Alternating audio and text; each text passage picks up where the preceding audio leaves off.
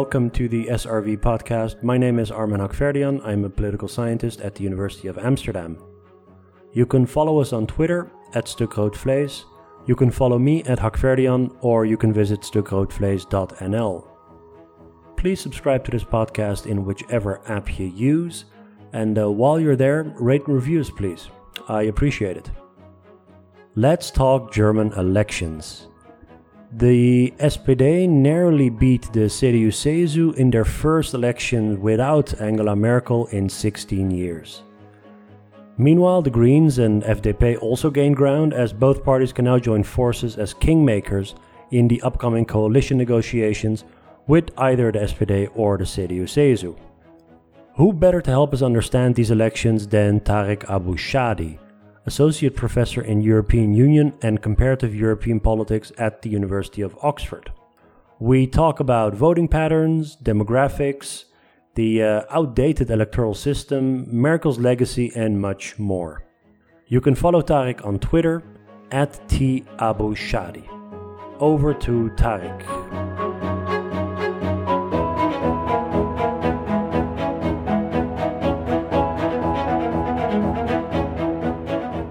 Okay, it's Tuesday afternoon, and I'm joined by our uh, brand new Germany correspondent, Tariq Abu Shadi. Tarik, how are you? I'm good. Thanks for having me again. I guess I'll qualify as a friend of the pod soon.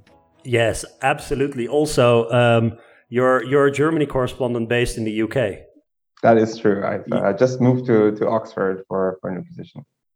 Excellent. Um, so let's talk uh, German elections the electoral system, just give us a very brief introduction of how that works because you have an electoral threshold, but then the left party got in and the size of the Bundestag keeps varying from election to election. There's multiple votes. How does this system work? Mm-hmm. It's, uh, it's a bit complicated, that is certainly true. Um, so let's start from how the, the voting process or the ballot. So in Germany, every voter has two votes. Um, the first vote is the district vote, where you vote for a candidate in your district. And the second is a proportional representation vote for the party. So the second vote is actually the more important one because this defines the share of seats that parties will have in parliament, in the Bundestag. However, then, and this is where it gets complicated, with your first vote, you send someone directly, just person who wins the plurality in the district, you send a person directly to parliament.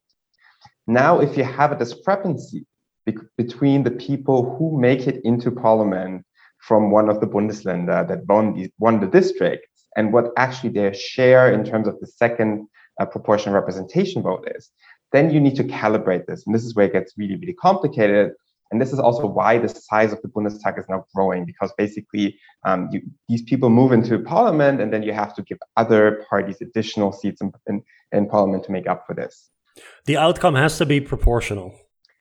Yes, to a, to a certain degree, um, it has to be proportional. Um, although now you can have three of these so-called Überhangmandate more than the than your proportional share.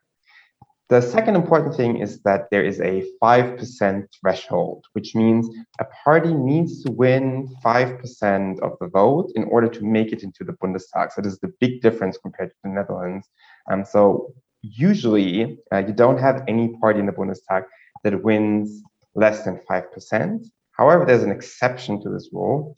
And this exception is that if you win three or more districts directly, then also you make it to the Bundestag with your proportional share. And this is actually something that happened uh, on Sunday, where the left party only received 4.9% of the vote. But because they won more than three districts directly, they will go to the Bundestag with this share of the vote and not only those three districts. So the way that I've always learned about this electoral system in class way back when, and the way it's also presented often, is that it tries to marry the let's say the the strong points of the proportional system, the proportionality being represented, etc., etc., and then the direct sort of mandate you give to a particular person from a region. Mm-hmm. Um, how successful is the system in accomplishing this? Because the best of both worlds can also devolve into worst of both worlds. So at the moment, it is very problematic because the size of the Bundestag has massively increased, right? It should be uh, a bit below 600 seats, and it's now close to 800. right? So it's uh, so it's large, um, and this is not how the how the parliament should should work. Not, I think it's one of the largest parliaments in the world, if not the largest parliament in the world right now, uh, with with that amount of seats. So it's it's uh, that's not how the system should work, and they they actually had to reform the system.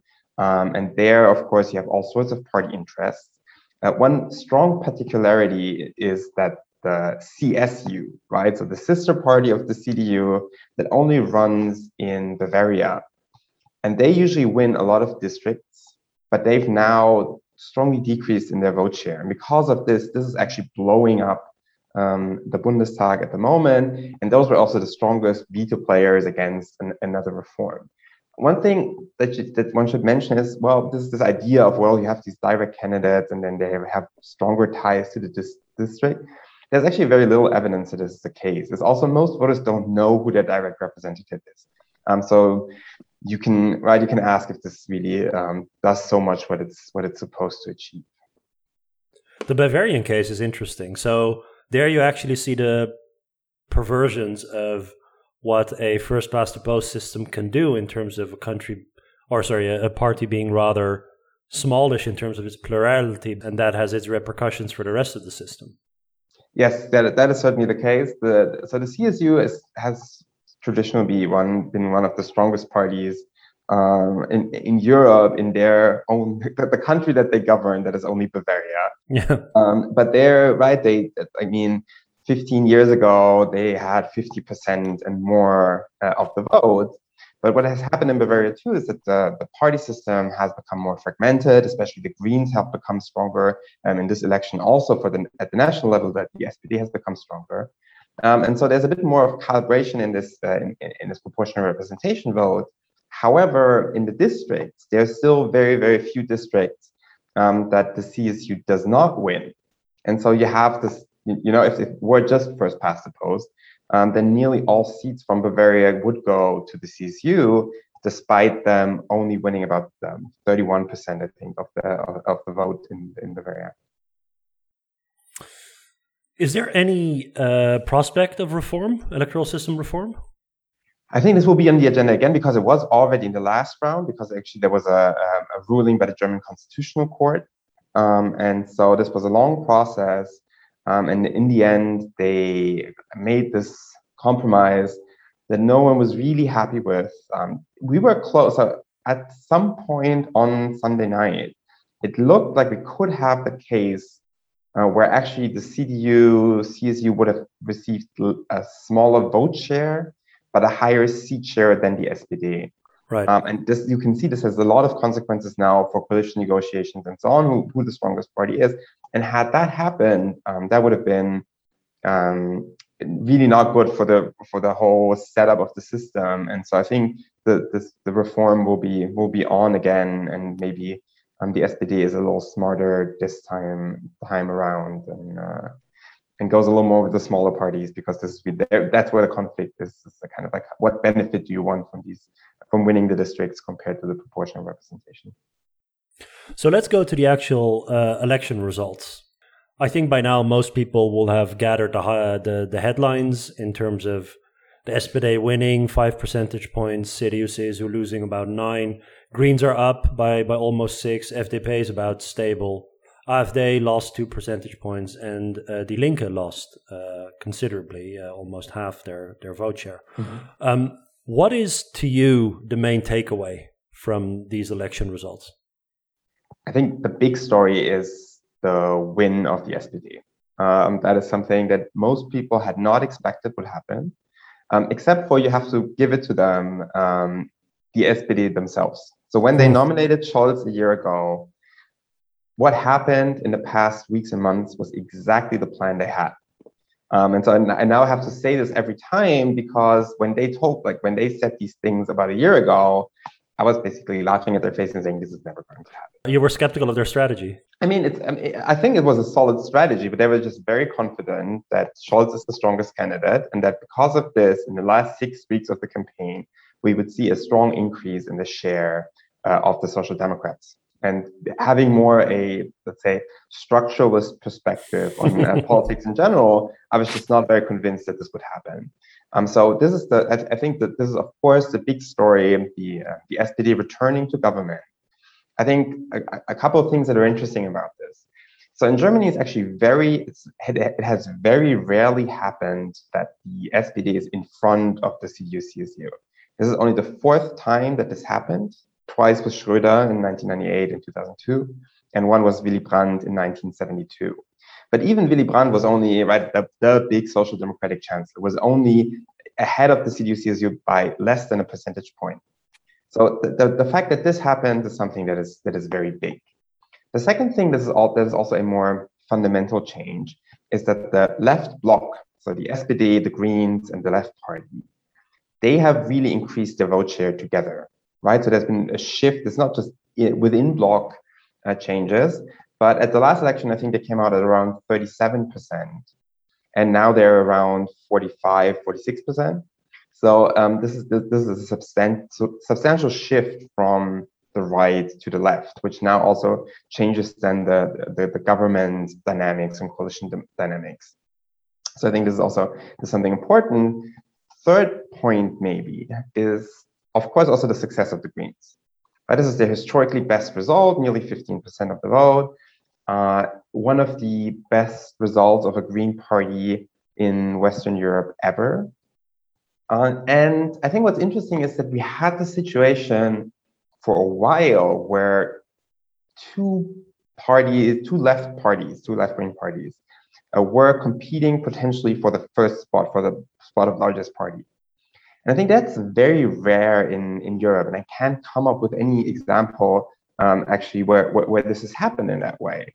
And so one thing that happened, and I think was clear that this was would always happen, is that only one of these two parties would make it into the horse race against the, the against right the CDU yeah. candidate.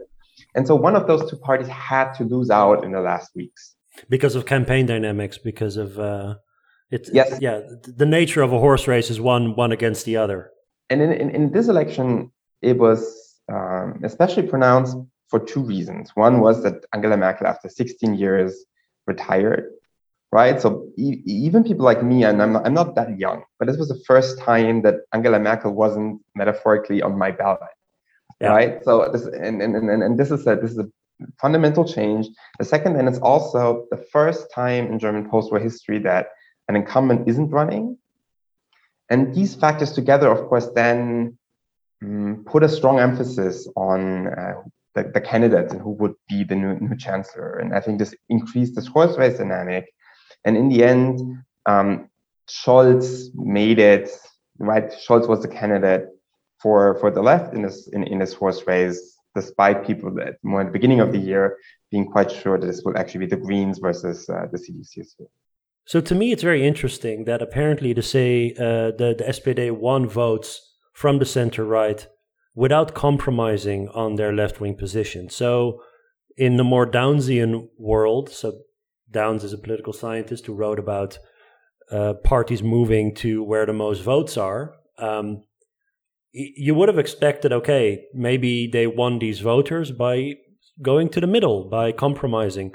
They didn't. You say that they have one of their most left wing um, platforms in, in decades.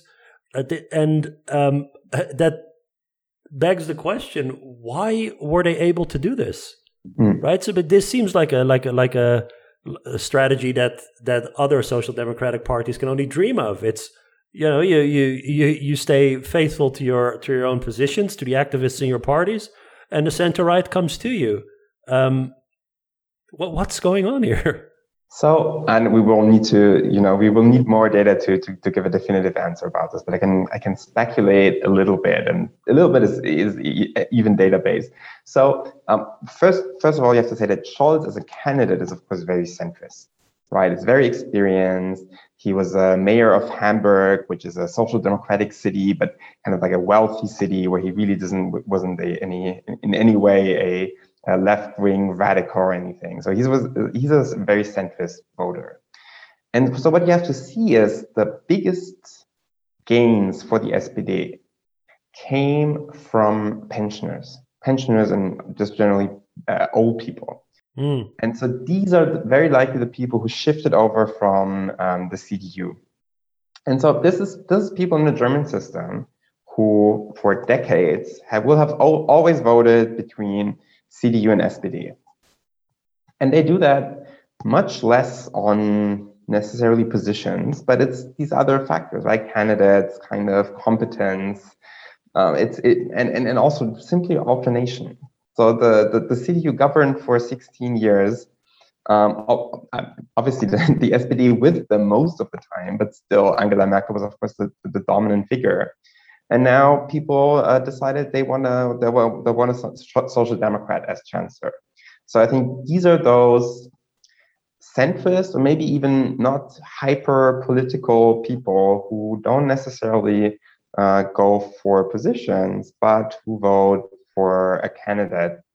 Um, and in, in, in, that in this race now, Scholz is certainly seen as the as the much stronger candidate. But there is this interesting balancing out, and the question is if can other other parties learn from this, where it is absolutely true that because the inner party dynamics of the, the SPD over the last years, where they they had a, an open race for um, for the head of party at that actually the members could vote for themselves. Um, and that, so Scholz ran and didn't become head of the party. Uh, but actually two uh, people really on, on, on the left of uh, of the party, and so you had this you, had this weird, in, in, in the beginning everyone thought weird and very dangerous dynamic of okay we now have these two quite left wing, quite unexperienced people leading the party, and everyone was quite certain they would never be the chancellor candidate. And then and then Scholz became it. And what, what, what the party somehow managed is to, to find this equilibrium between a party that had moved to the left and still managing to have the centers appeal via their um, their the chancellor candidate. So we've talked about this before because, uh, but but since you mentioned age, is it still the case that the young people are more turned off by the SPD than, for instance, other groups, and that they that they flock to the Greens and maybe even the F- FPD.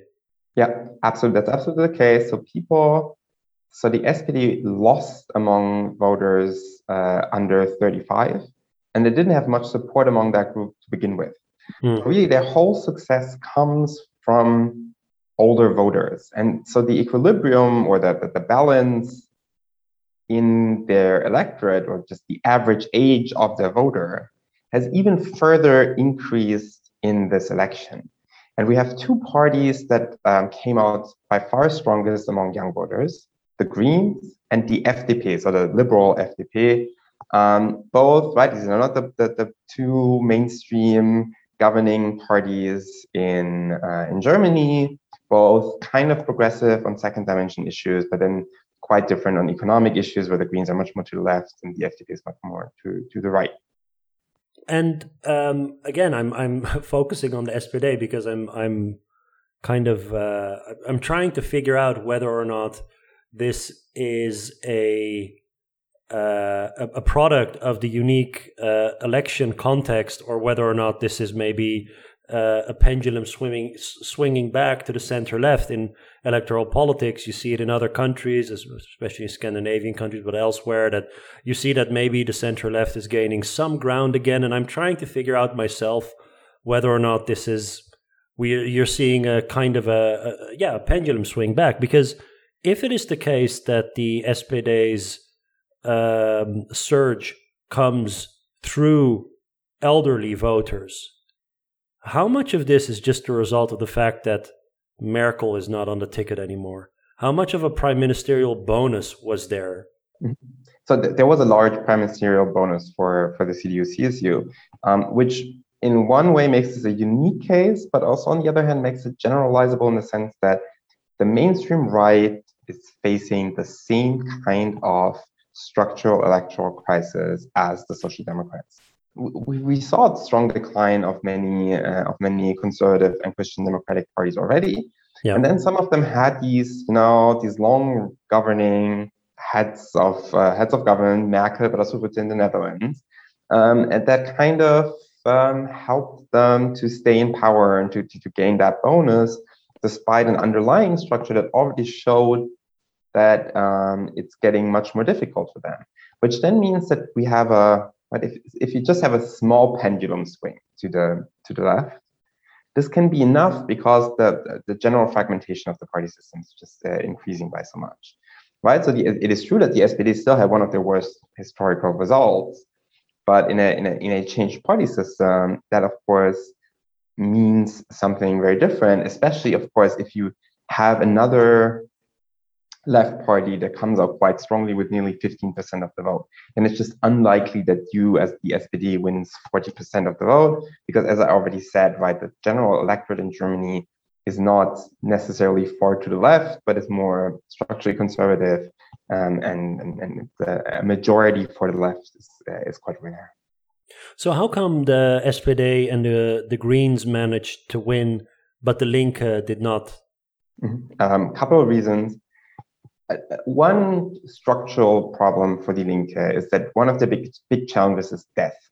So it, even more so than with the with the Social Democrats, there's a share of their electorate that is really really old, um, and these are people who still lived uh, in the in the GDR, um, and mostly mostly in the East still, and um, they are the they used to be the core electorate of this party, and those people are just very old now, um, and and, and are, are slowly dying.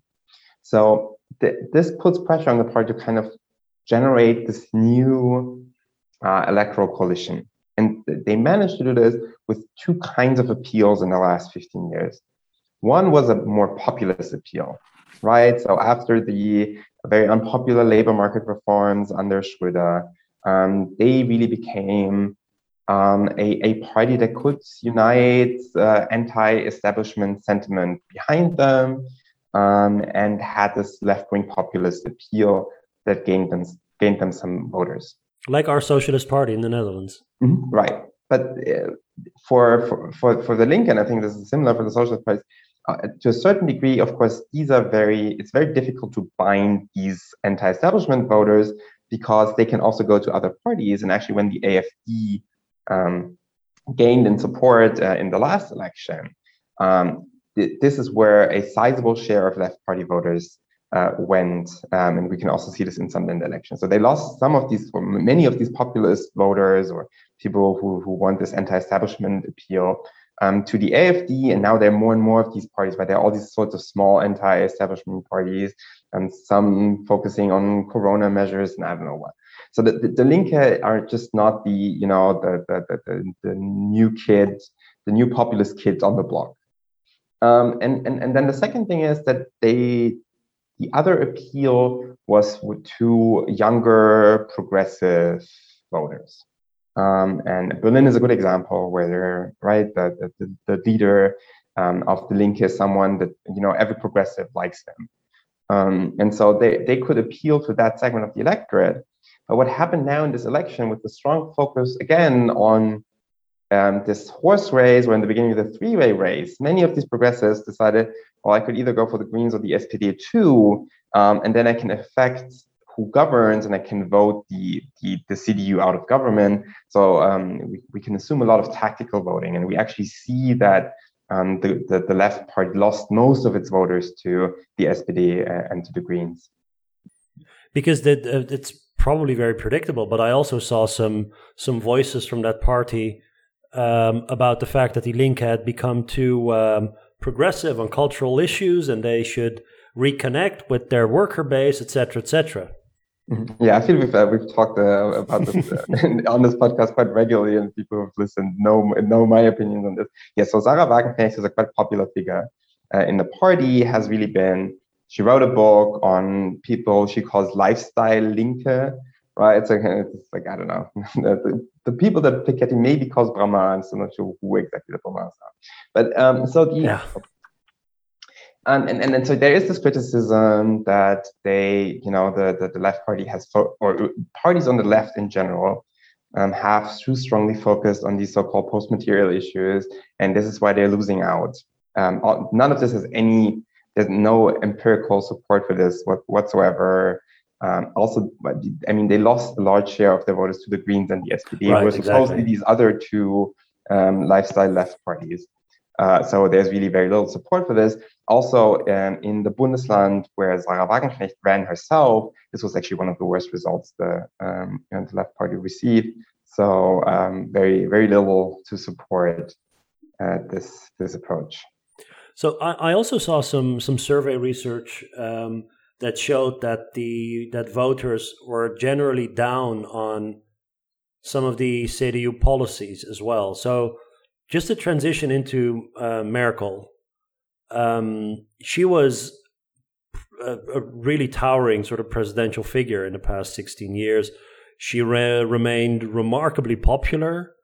Uh, approval ratings were really high, even during the uh, so-called uh, uh, refugee crisis, etc. Do you think, had she run in a parallel world, would she have faced electoral defeat as well? it is very difficult for me to imagine a world in which Angela Merkel loses because maybe as a you know as a political grown up I've never experienced this. Um, so this is very hard to imagine. As you say, she's been very she's still very very popular.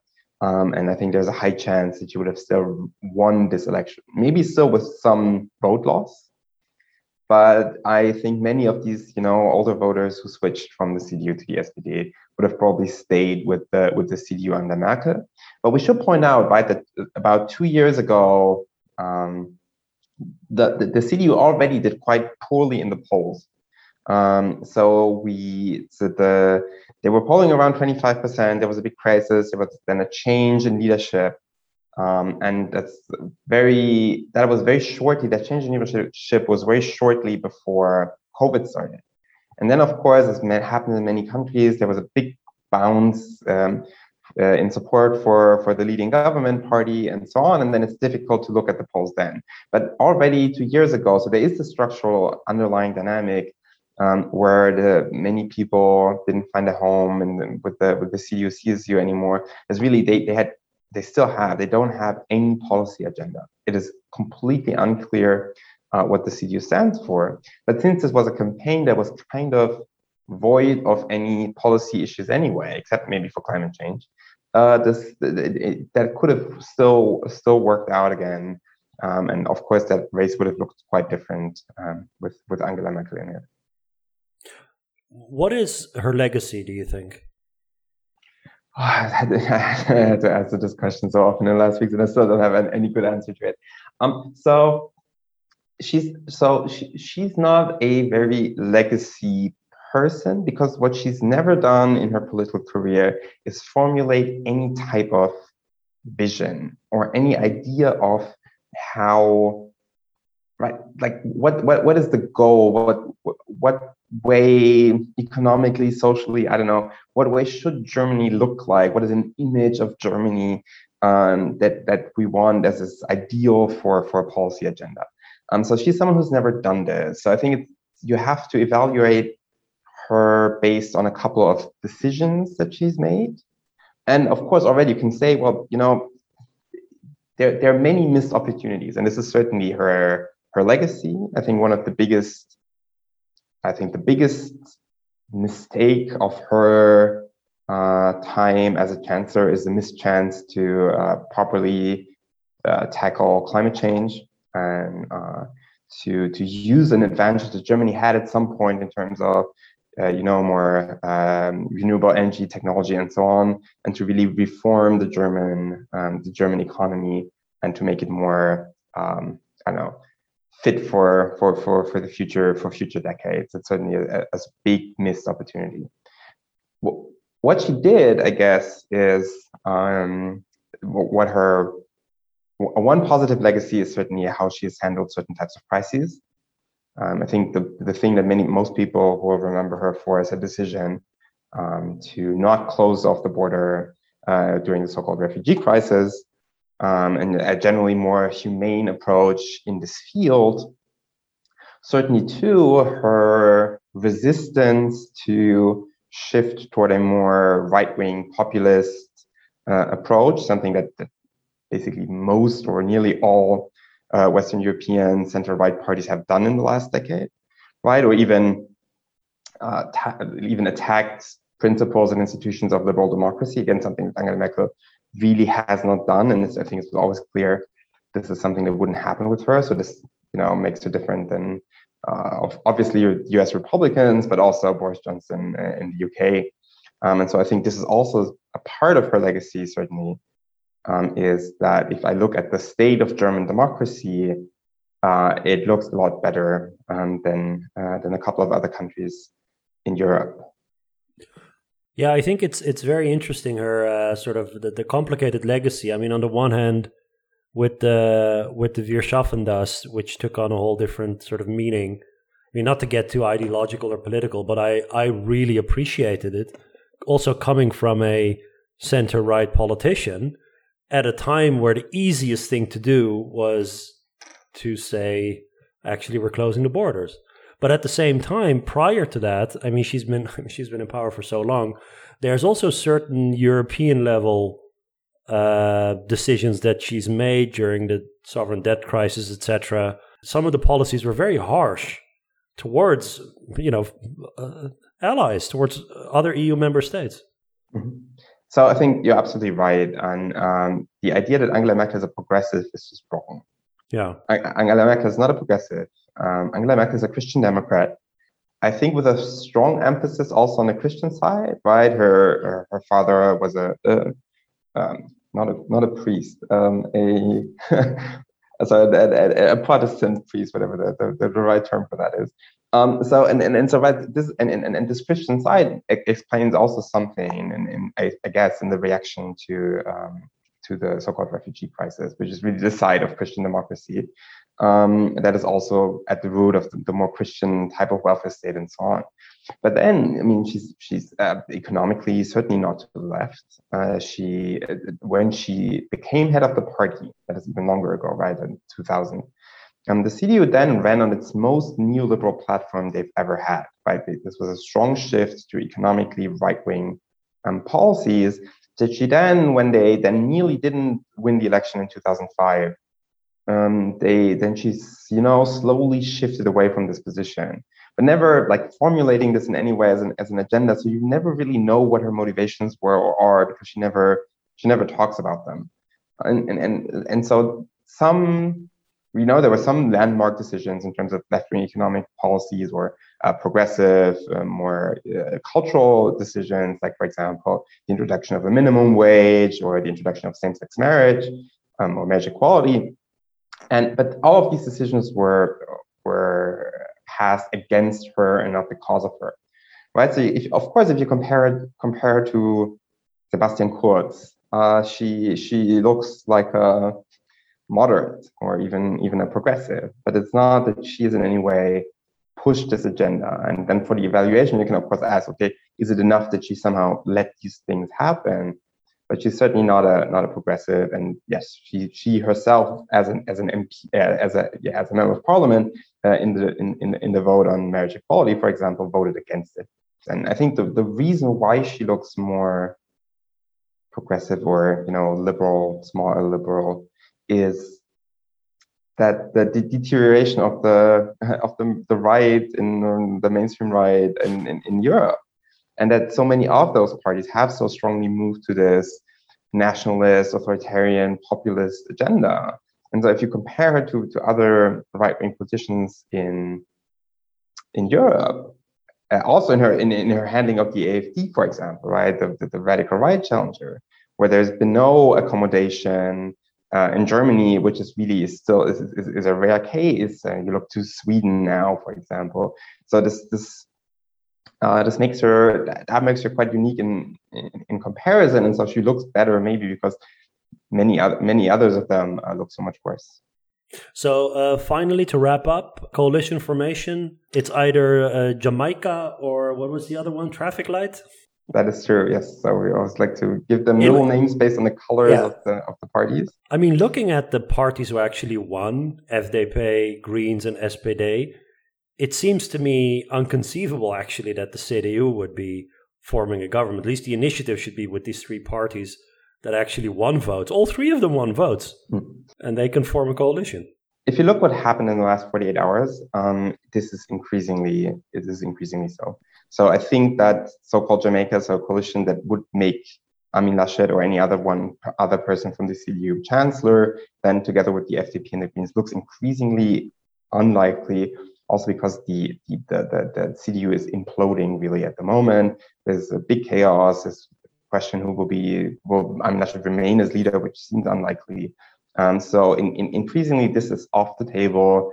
Um, there's already been a lot of coalition flirting between the Greens and the FDP, and I, I think we might have this type, this the so-called traffic light coalition, uh, much sooner than, than than people expected or feared, and then it looked like three days ago. So when there was also obviously there was a lot of campaign uh, rhetoric, and it seems to me that the way things are now, this is the the very likely next government, um, and maybe even faster than expected.